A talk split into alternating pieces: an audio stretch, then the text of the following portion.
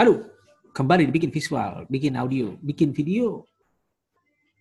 Dan kali ini saya akan membahas uh, langkah demi langkah bagaimana cara bikin video review. Dimulai dengan video yang pertama ini. Nah, uh, sebelumnya di video sebelumnya saya sudah memberikan gambaran untuk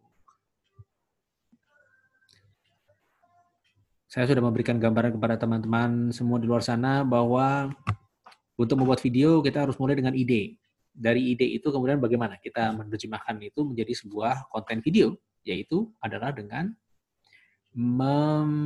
breakdown ide itu menjadi beberapa elemen konten video yang akan kita buat. Elemennya apa aja nih konten videonya? Ada grafik, ada visual, ada musik.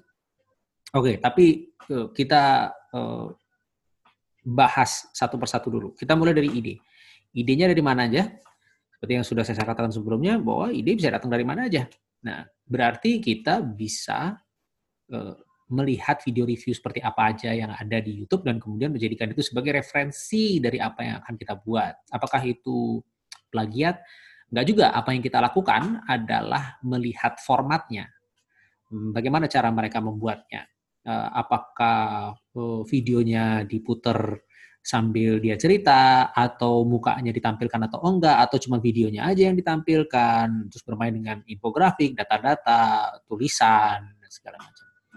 Dari situ eh, kemudian kita bisa melakukan eh, perencanaan lebih jauh mengenai konten video apa yang akan kita buat. Tapi semua itu harus ada dasar yang kuat. Dasar yang kuat ini adalah konten dari video itu sendiri yang akan kita sampaikan. Tadi kan yang saya sampaikan itu tadi adalah elemen konten video. Nah sekarang kontennya ini apa sih sebenarnya? Siapa yang mau kita ajak bicara? Eh, penonton apa yang mau kita sasar? Mengenai video apa, mengenai film apa yang akan kita buat? Apakah film Korea, apakah film Barat, apakah film Indonesia? Ya itu kan banyak hal yang harus kita tentukan untuk memastikan bahwa apa yang kita sampaikan itu memang sesuatu yang mau kita share dari dalam hati. Kenapa harus dari dalam hati sih? Ya karena kalau misalnya nggak dari dalam hati, akhirnya jadi videonya nggak terlalu menarik untuk ditonton. Selalu cari apa yang kita ingin share atau berbagi kepada publik dari dalam hati. Oke, nah terus seperti yang sudah saya sampaikan sebelumnya, kita harus berpikir apa sebenarnya yang mau kita share ke banyak orang di luar sana.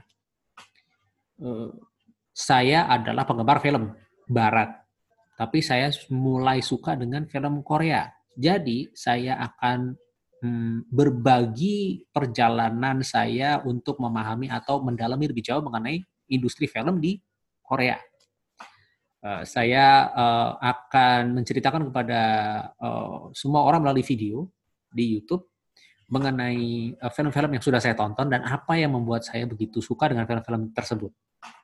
Filmnya harus baru atau enggak? Hmm, enggak juga, karena ini kan adalah perjalanan saya untuk memahami industri film Korea. Bisa jadi saya share mengenai pencarian saya dari uh, Google misalnya, dari awal.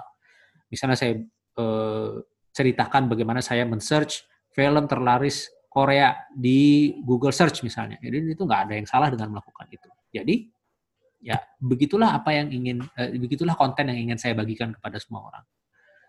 Eh, benar tidak ada benar atau salah. Yang yang yang penting adalah apakah ini cocok di hati atau tidak. Nah itu pertama ya unsur pertama yang harus dipikirkan. Apa sebenarnya yang mau di-share ke orang-orang di luar sana, penonton YouTube. Terus yang kedua yang harus diperhatikan adalah target audience-nya. Siapa yang kita sasar untuk uh, nonton film atau video yang kita buat. Nah, uh, apakah ini penggemar Korea yang sama seperti saya, yang baru mendalami film Korea, atau penggemar drakor? Kalau penggemar drakor, saya nggak bisa dong ngobrol tentang film Korea. Saya harus fokus ke drama Korea yang sudah ada atau yang uh, populer maupun yang akan datang, yang akan tayang. Nah, itu juga harus ditentukan. Kita fokus ke film yang akan tayang atau e, bicara soal e, gosip-gosip perfilman, industri perfilman di Korea atau apa. Nah, itu yang kita harus tentukan dari awal. apa bagaimana cara menentukan bahwa konten ini benar atau enggak? Ya kembali lagi ah, apa yang cocok di dari hati. Ah, karena begini, ketika kita sudah uh, cocok di hati mengenai konten yang akan kita share, kita dengan senang hati menceritakan itu kepada banyak orang tanpa banyak berpikir uh, tanpa terlalu banyak berpikir bagaimana kita menyampaikannya sehingga semua terkesan alamiah disampaikan kepada penonton dan itulah yang dicari oleh penonton YouTube. Nah, oke. Okay saya ulangi lagi ya, yang pertama adalah memastikan apa yang kita mau share ke publik. Terus yang kedua, menentukan siapa target audiensnya. Karena uh, seperti yang saya, sudah saya sampaikan, ini akan menentukan uh, bagaimana bentuk kontennya itu dibuat. Oh, kalau misalnya kita fokus ke penggemar uh, drakor, tentunya kita akan lebih membahas tentang drama Korea. Tapi kalau misalnya kita fokus ke film, ke, ke sasaran kita adalah orang-orang yang suka dengan film Korea atau mulai suka dengan film Korea, tentunya yang kita bahas adalah film Korea. Tapi bagaimana dengan tampilan itu juga menentukan. Kalau misalnya orang-orang yang eh, kita sasar itu adalah penonton dari eh, streaming view misalnya, semua film Korea yang tayang di view kita bahas gitu misalnya, tentunya secara tampilan harus ada dong logonya view gitu kan atau terkesan sedikit kuning-kuning gitu kan. Karena kita tahu penggemar atau penonton setia view tentunya akan sangat familiar dengan logo logonya view yang kekuning-kuningan sehingga mereka merasa menjadi lebih familiar ketika menonton video kita. Terus habis itu yang ketiga adalah kita harus cari referensi. Bentuk videonya seperti apa. Tadi saya sudah sampaikan di awal, tapi ini merupakan satu langkah penting dari bagaimana kita membuat uh, ide pembuatan video, bagaimana kita mengawali atau mengolah ide yang kita punya untuk pembuatan video lebih lanjut karena uh, referensi ini yang akan menentukan bentuk akhir dari video yang akan kita buat. Kenapa ini menjadi langkah penting? Karena tanpa referensi kita tidak punya rujukan, tidak punya uh, apa ya dasar dari keputusan kita ketika kita menentukan konten video yang kita buat itu akan terlihat seperti apa.